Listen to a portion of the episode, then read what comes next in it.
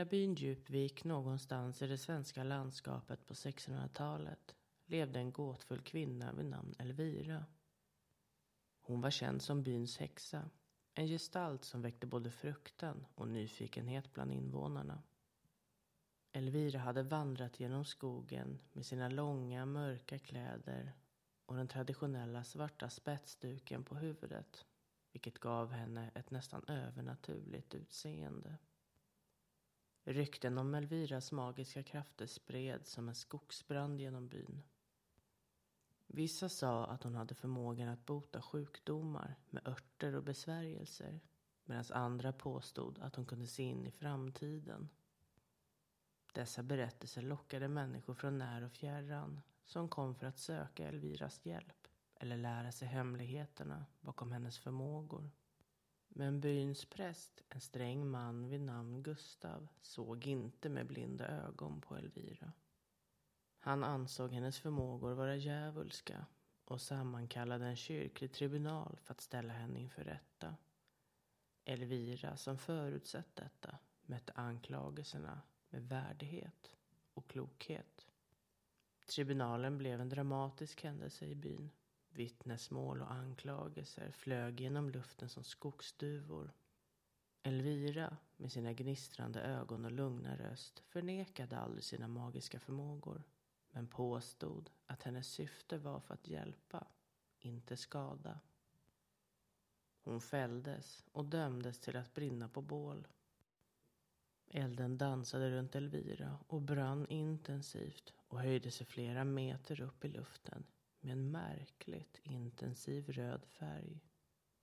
En osalig tystnad spreds över folkmassan och pastor Gustav stirrade med förundran.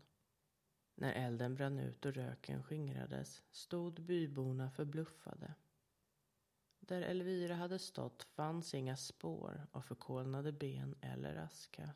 Det enda som återstod var hennes svarta spetsduk, stillsamt vajande i vinden. Rykten om Elviras försvinnande spreds genom byn som en vind.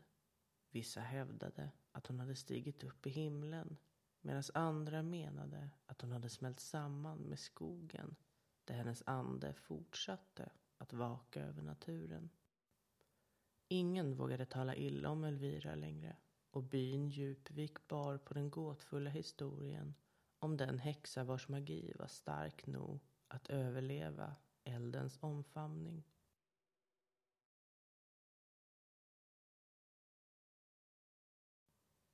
Välkommen till Oknytt och andra väsen. Alla har vi nog varit djupt insjunkna i en bok, både en och två gånger. Trollbunden av äventyret vi läser om och föreställningen om en värld med magi och fantastiska förmågor som en vardag. Trolldom och magi är ju ett stort ämne över hela världen och många är vi nog som önskade att en uggla skulle komma när vi fyllde elva med ett antagningsbrev från Hogwarts. Tron på trolldom och magi har alltid funnits. Och om man tittar bakåt i historien så är trolldom väldigt ofta förknippat med oss kvinnor.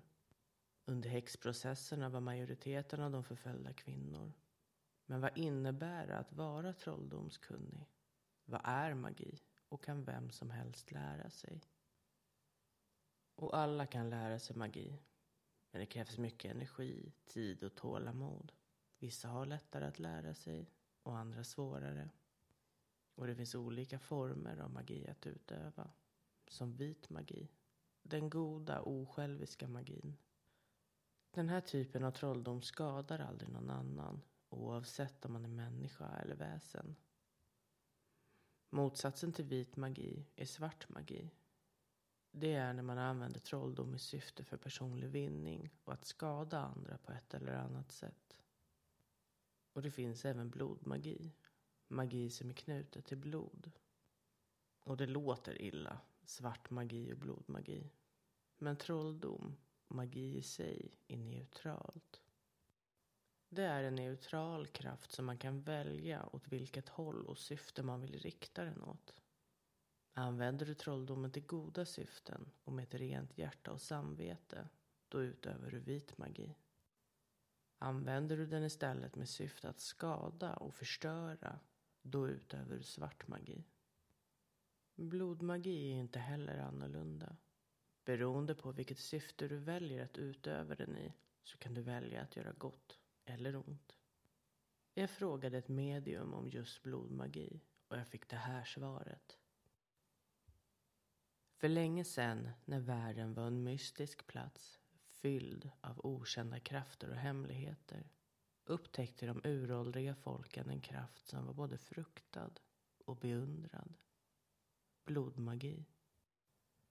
Det var ett sätt att ansluta sig till de djupaste skikten av sin egen inre kraft och förståelse för världen runt omkring sig. Låt oss prata lite om detta mystiska rike av magi. Blodmagi är inte en enkel kraft att förstå eller att använda. Den bygger på principen att vårt blod bär vår essens och vår koppling till världens energier. För att utöva blodmagi måste du först nå in i dig själv och förstå ditt eget innersta väsen. Det är som att fokusera på ditt hjärtats slag, på de känslor som pulserar genom dina ådror och dra på den inre styrkan som du bär. Och därefter kommer det viktigaste steget. Att offra en liten mängd av ditt eget blod. Det är en handling som inte bör tas lättvindigt och det kräver en djup koppling till ditt syfte. När ditt blod förenas med dina intentioner öppnar sig portarna till en kraftfull värld av magi. Genom rätt ritualer och invokationer kan du använda blodmagi för att förändra verkligheten omkring dig. Men blodmagi är inte utan risker. Om du inte är försiktig kan den kraft du släpper loss bli farlig och obehärskad. Därför är det avgörande att du är fullständigt medveten om din egen inre natur och de krafter som du arbetar med. Utan respekt och balans kan blodmagin snabbt slå tillbaka. I historiens lopp har blodmagi varit både använd för gott och för ont. Vissa har använt den för helande och för att skydda sina samhällen medan andra har utövat mörka rituella handlingar som skadar andra. Så som med alla krafter så är det inte blodmagin i sig som är god eller ond utan användningen och avsikten bakom den. Blodmagi är en mäktig och komplex kraft som kräver djup självreflektion och respekt. Den är en del av det mystiska arvet från forntiden och hur du väljer att använda den är en fråga om din egen moral och övertygelse. Men kom alltid ihåg att med stor makt kommer stort ansvar och blodmagi är inget undantag från den regeln. Tack för den förklaringen. Ja, trolldom och magi. Ju längre tiden vi kommer, desto mer förståelse har vi fått för saker. Om någon skulle utföra HLR på någon som hade drunknat under medeltiden och personen som har drunknat överlever den som utförde HLR skulle garanterat ha blivit anklagad för häxeri och trolldom. Det kan inte ha varit lätt. Oavsett om man var trollkunnig eller bara lärd inom medicinalväxter. Tänk er att alltid bära på rädslan. Att om någon blir arg kan denna tala om för fel personer vad man var kunnig i. Eller helt enkelt ljuga ihop en historia. Så nu kommer vi in på häxor och trollkarlar. Förr i tiden trodde man att häxor var kvinnor som hade svurit trohet till Satan och som tack för det fått magiska krafter och förmågan att utöva trolldom. Det sades att häxor red på sina kvastar, brödspadar eller djur som de red på bock och fram till Blåkulla på skärtorsdag på valborgsmässoafton för att träffa självaste Satan fira häxsabbat och bedriva otukt med varandra och utöva sin trolldom. Så när häxprocesserna drog in över världen var det inte säkert att vara kvinna, häxa eller ej. Och självklart så var det även män som blev dömda för trolldom. Men majoriteten av de förföljda och dömda var kvinnor och de anklagade fick utstå tortyr för att tvinga fram ett erkännande.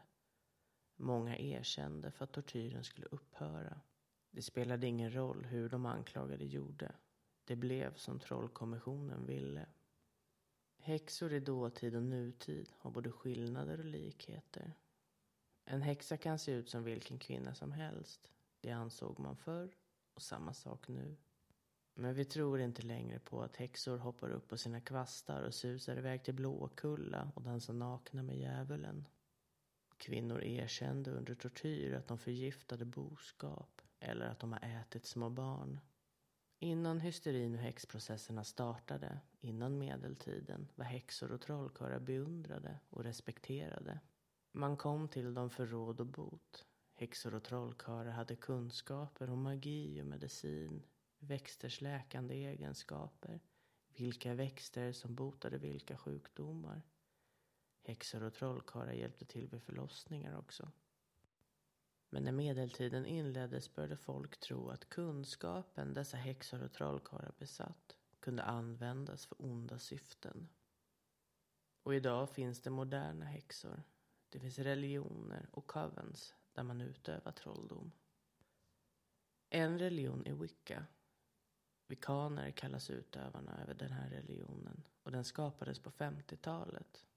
Och i början kallades religionen kort och gott för witchcraft och utövarna kallade sig själva för häxor. Det var inte förrän senare som man började använda wicca och vikaner. Wicca är en naturreligion och det är inte lätt att beskriva en religion som är så varierande och mångsidig som wicca är. Men det är alltså en nyhednisk och naturinriktad religion. Här vänder man sig till kvinnlig och manlig gudomlighet. Gudinnan och guden Guden och gudinnan ses som jämställda och lika viktiga, även fast många vikaner riktar sig in mer på gudinnan. Man behöver inte enbart rikta in sig på dessa två gudomligheter. Många vikaner tror även på andra gudar. Till exempel Morgan och Lugg från den keltiska gudavärlden. Men även Oden och Freja. Och viktigt att påpeka är att många vekaner kallar sig för häxor. Men det finns de som inte gör det och det beror helt på vad man själv känner. Man kan vara häxa utan att vara vekan och vekan utan att vara häxa. En häxa är alltså en person som använder sina krafter tillsammans med universums naturlagar för att kunna forma verkligheten i enlighet med dennes syften. Och det är ju här som syftet spelar stor roll. Och som vi sa tidigare så är magi neutralt. Det är ditt eget syfte som avgör vad det är för magi som du utövar. Så häxor har alltid kunnat vara vem som helst. Ingen skillnad från nu. Och du har säkert mött en häxa utan att veta om det. Många häxor berättar att det är en inre kraft som har kallat dem till det här. Ett kall till naturen, universum, healing, trolldom, tarot och mediala förmågor.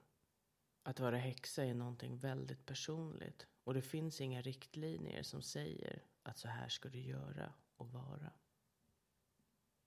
Den andra berättelsen den här gången berättar om hur det var under det stora oväsendet i Sverige. 1669. Mitt namn är Anna. Det här är mina anteckningar på händelserna som tog plats i Lillhärdal i det som kom att kallas det stora oväsendet. Jag bodde med min make och tre barn i Lillhärdal. Vi hade en fin liten gård som min make la ner mycket arbete i och vi arbetade långa dagar med kreaturen och skördar. Tillsammans med tjänstehjonen Elin och Hans arbetade vi och såg till att gården frodades. Jag var byns kloka gumma. Jag hade kunskap om växter och krämpor, barnafödslar och förmågan att se om en havande skulle få en pojke eller flicka. Många reste långt för att komma och träffa mig och för att råda bot på krämpor och för rådfrågning. Min make Frans var alltid stöttande och förstående och vi levde ett bra liv tillsammans.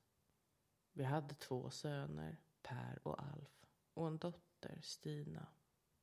Och trots att Stina bara var sex år så visade hon stor begåvning och förståelse för växter, djur och natur.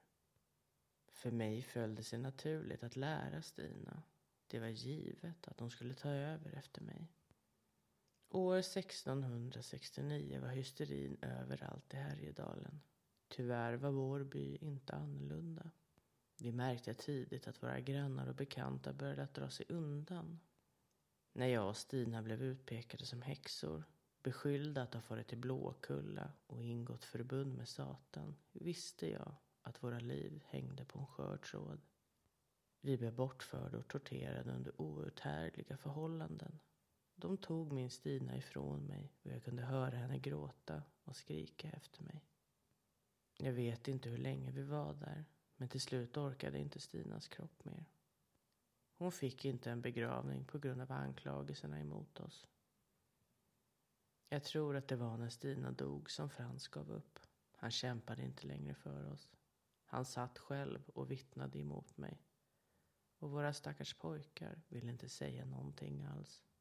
Trots hotfulla ord från kommissionen och deras faders uppmaningar sa mina pojkar aldrig någonting om mig eller Stina. Jag blev dömd. Dömd till döden av halshuggning. Det var en lång väntan på min avrättning, svält och misär. Och tre dagar innan domen skulle verkställas kom min räddning. En ung man som jag hjälpte några år tidigare. Han hade drabbats av hög feber och svår hosta. Ett tag trodde hans mor att han inte skulle klara sig. Men medicinerna hjälpte och den andra veckan efter insjuknandet kunde han sitta upp och äta igen. Den unge mannen låste upp till mig och i skydd av natten gav jag mig av. Jag visste att jag inte kunde gå hem igen så jag begav mig djupt in i skogarna tills bara trollen och skogsrået kunde hitta mig. Och här blev jag kvar.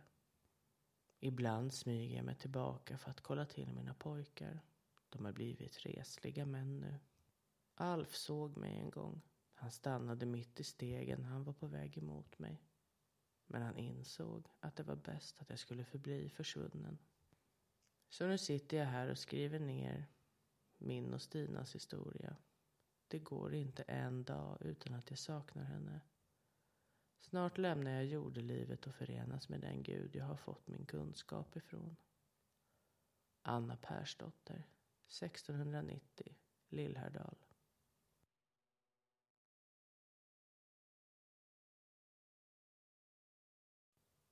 Vi går direkt till nästa historia. Jag är Enja. En gåtfull häxa vars existens vävs in i tidens subtila trådar. Mitt namn har ekat genom generationer som en viskning i vinden. Men få har känt mig nära. I min barndom i en bortglömd by omgiven av dimhöjda skogar började min resa. Min familj fördömde mig för mina magiska gåvor och byborna såg mig som en avvikelse.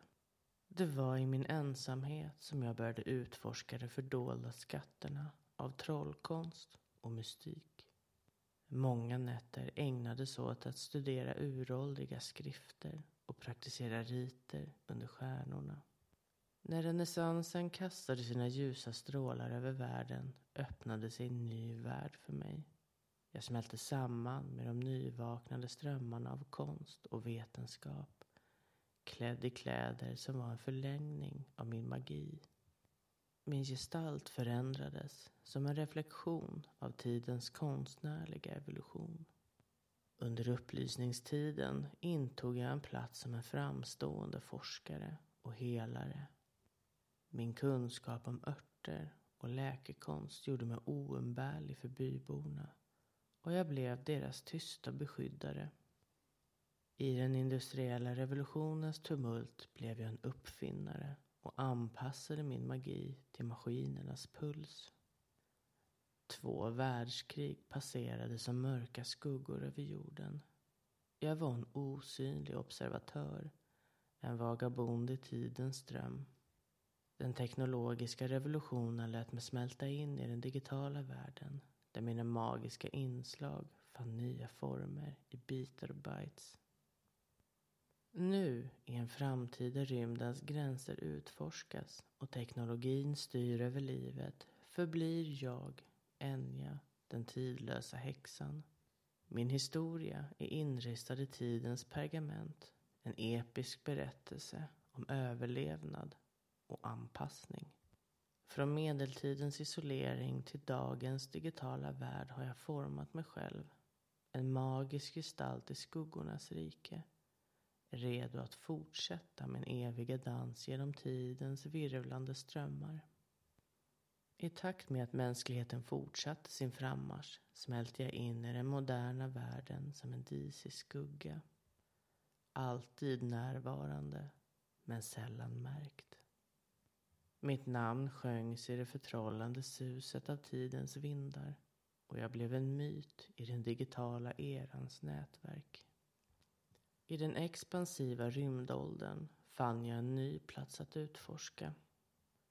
Jag steg in i rymdskeppets tysta rymd och blev en observatör av universums hemligheter.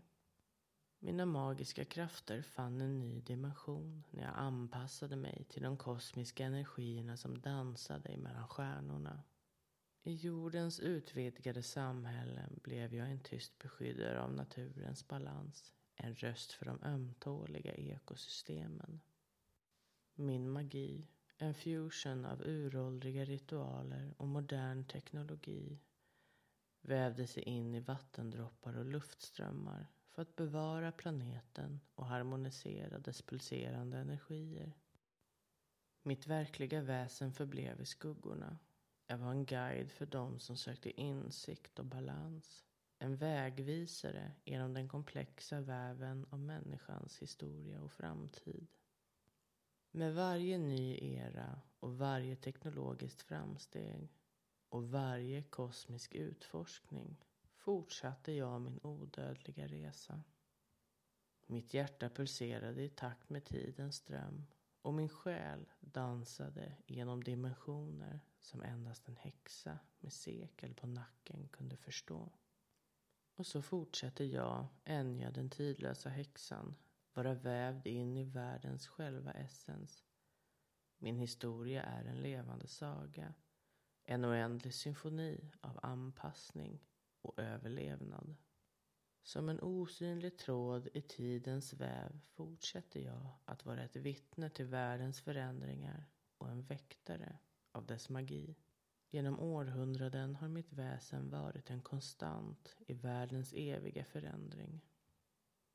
I den futuristiska eran av artificiell intelligens och avancerad bioteknik fann jag en ny dimension för mina förmågor.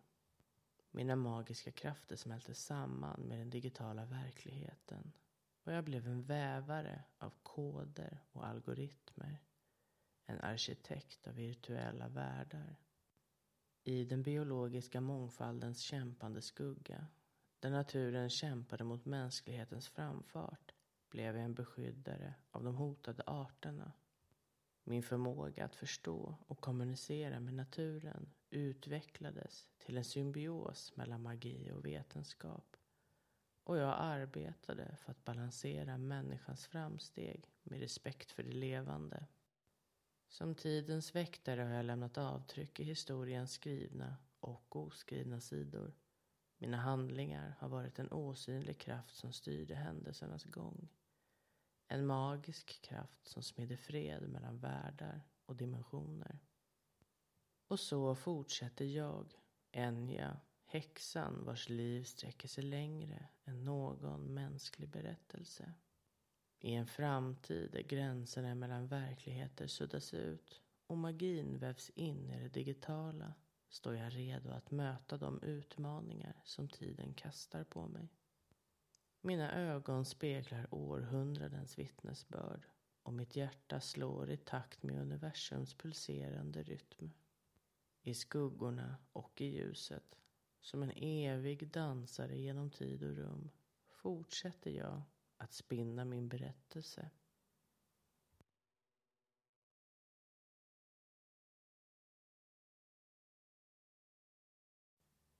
Tack för den historien.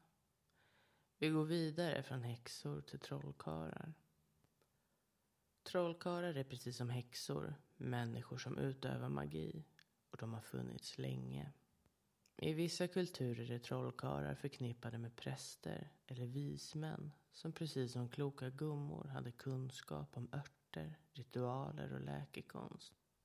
Man ansåg att trollkarlar kunde kommunicera med gudar och andeväsen och med hjälp av sina förmågor kunde de hjälpa och även beskydda samhället som de levde i.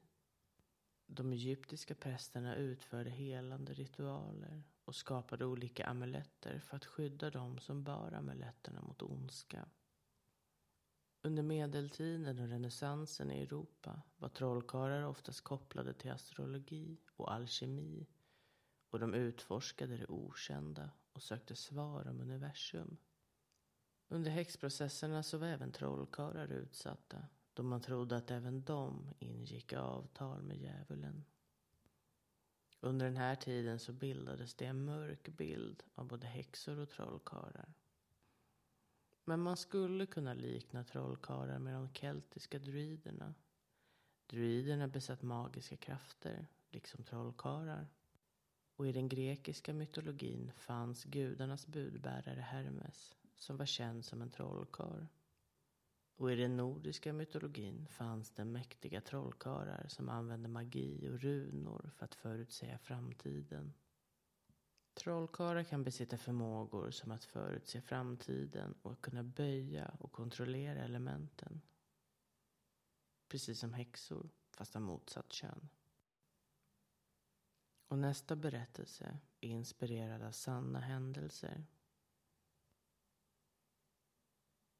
En dimmig morgon i mitten av 1600-talet anlände Winder Windersson till Trosa. En stad präglad av traditioner och misstänksamhet. Hans ankomst väckte genast uppmärksamhet. Inte bara på grund av den friska luften som tycktes omge honom utan även på grund av hans ovanliga visdom och läkekonst.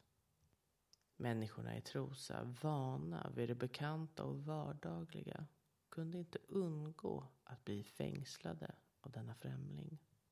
Vinder bosatte sig i utkanten av staden där han snart blev känd som en man med exceptionella läkekrafter. Människor strömmade till hans dörr, sökande lindring och bot för sina åkommor. Vinder, en ödmjuk själ, delade generöst med sig av sin kunskap om örter och helande konster. Och det fanns en djupare sida av Vinder, en hemlig sfär där hans magiska färdigheter frodades. Medan Vinder fortsatte att hjälpa de sjuka och svaga spreds rykten om hans övernaturliga krafter snabbt genom staden. De mörka vindarna av häxprocesserna som svepte genom Europa som en pest nådde även Trosa. Misstänksamheten mot det okända växte och snart fanns det de som började se Vinders visdom som ett hot mot den etablerade ordningen. En kall vinterdag anklagades Vinder officiellt för att vara en trollkarl och häxa. Människor som tidigare sökte hans hjälp blev plötsligt vittnen emot honom. Pressade av rädslan för det övernaturliga som spred sig som en löpeld genom staden. Rättegången blev en skenrättegång där vittnesmålen var präglade av rädsla och fördomar. Trots Vinders försvar fanns det ingen rättvisa att finna och staden dömde honom till döden via bålbränning.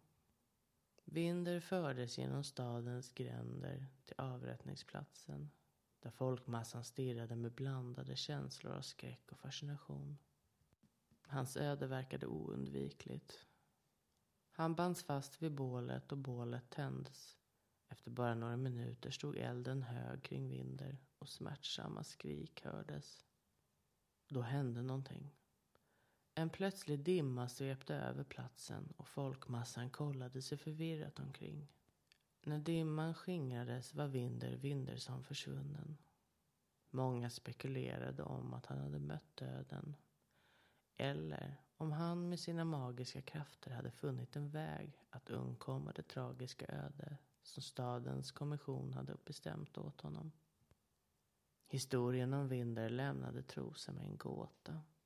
Ett mysterium som förblev inlindat i dimman av det okända.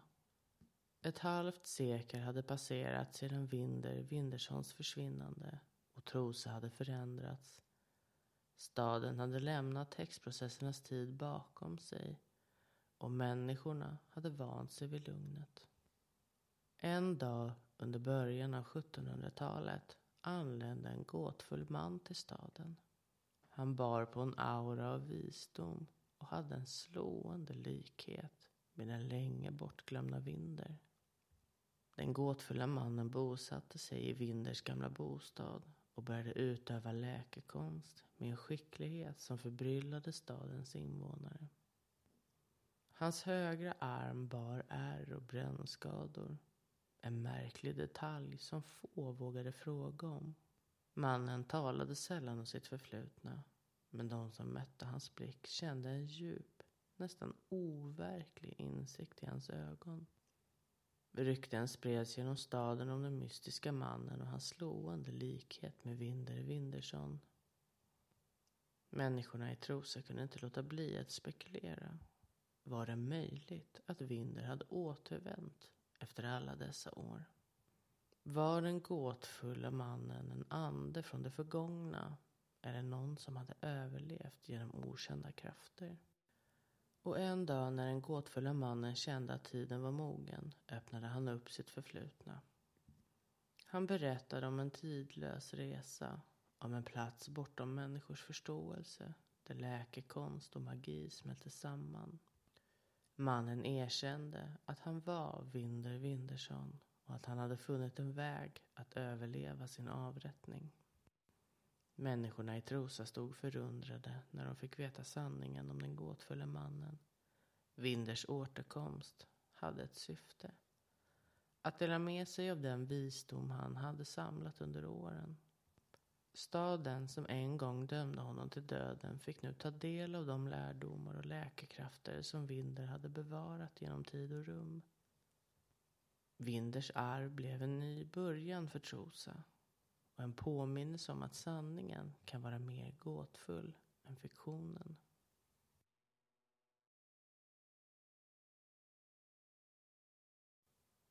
Vi avslutar det här avsnittet med en sista berättelse vi har fått in. Jag heter Jenny och är 19 år och bor här i hjärtat av Stockholm på Kungsgatan. Livet som häxa har varit både en välsignelse och en förbannelse. När mina föräldrar upptäckte mina magiska talanger i ung ålder försköts jag från det trygga hemmet. De kunde inte acceptera det okända. Det magiska som flödade genom mina ådror. Att växa upp som en häxa var som att dansa på en tunn lina emellan två världar. Å ena sidan var det förtrollande att känna kraften i varje trollformel och att vara en del av den mystiska vävnad som knyter samman världen. Å andra sidan fanns det ständig rädsla. Rädsla för att bli avslöjad och för att bli dömd och förskjuten igen. Det var svårt att hålla min hemlighet begravd i skuggorna. Jag lärde mig snabbt att föra en dubbelsidig tillvaro. Där jag var den vanliga Jenny för världen och den mystiska häxan för mig själv. Skolan var en utmaning. Att undertrycka mina impulser för att använda magi för att lösa problem. Men jag insåg att jag inte kunde låta mina magiska färdigheter definiera mig helt och hållet. Efter år av förnekelse och dolda förmågor började jag omfamna min inre häxa. Jag lärde mig att kanalisera min kraft för att göra gott, inte för att skada. Och nu, här på Kungsgatan, har jag skapat mig ett liv som jag är stolt över. Min lägenhet är min trygga plats. Fylld med magiska inslag och böcker om magi som inte längre behöver vara gömda. Mitt jobb som jag trivs så bra med ger mig möjlighet att vara den jag är. Även om mina kollegor inte känner till mina magiska färdigheter. Jag har lärt mig att balansera de här sidorna av mig själv och finna styrka i min egen autenticitet. Och att vara häxa är som att vara en konstnär av det övernaturliga. Och mitt hjärta klappar för varje trollformel jag kastar. Trots de prövningar jag mötte i uppväxten är jag tacksam för den jag är och för de oväntade vägarna som har öppnat sig för mig. Så nu, mitt i Stockholms pulserande hjärta, fortsätter jag att omfamna min magi och låter den leda mig genom livet. En kylig kväll vid Nybrokajen, när Stockholms vatten speglade stadens ljus, inträffade en händelse som nästan avslöjade den magiska hemlighet som jag bär på. En äldre kvinna vars ansikte bar spår av tidens vandringar trampade snett och föll olyckligt mot det mörka vattnet. Mina reflexer kickade in och jag räckte ut min hand och använde en snabb trollformel för att lyfta henne till trygg mark. Hennes ögon mötte mina och i det ögonblicket insåg jag att jag var tvungen att vara försiktig. Förvirringen i hennes blick kunde ha avslöjat något utöver det vardagliga. Men jag lekte snabbt av händelsen som en plötslig styrka som hade tagit över mig. Jag hjälpte henne att resa sig upp och hennes tacksamhet var som en varm vind över platsen. Som jag stod där vid Nybrokajen medan förbipasserande stirrade på oss insåg jag att jag dansade på gränsen av min hemlighet. Mina magiska krafter hade blivit min räddning men också en påminnelse om den tunna linje som jag balanserade på.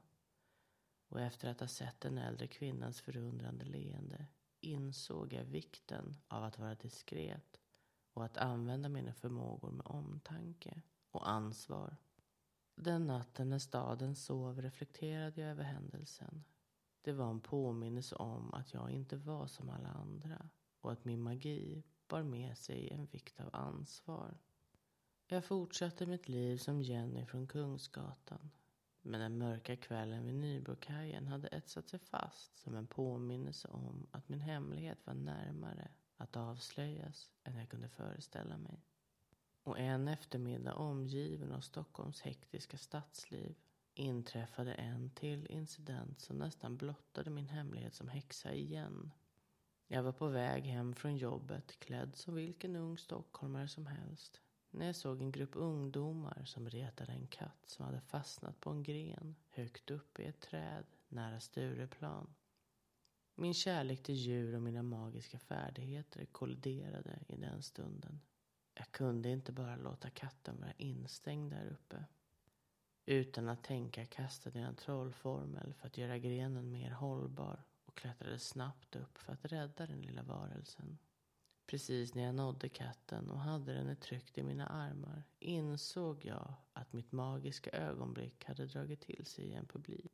De unga människorna som tidigare hade varit cyniska tittade nu på mig med blandade känslor av förundran och förvirring.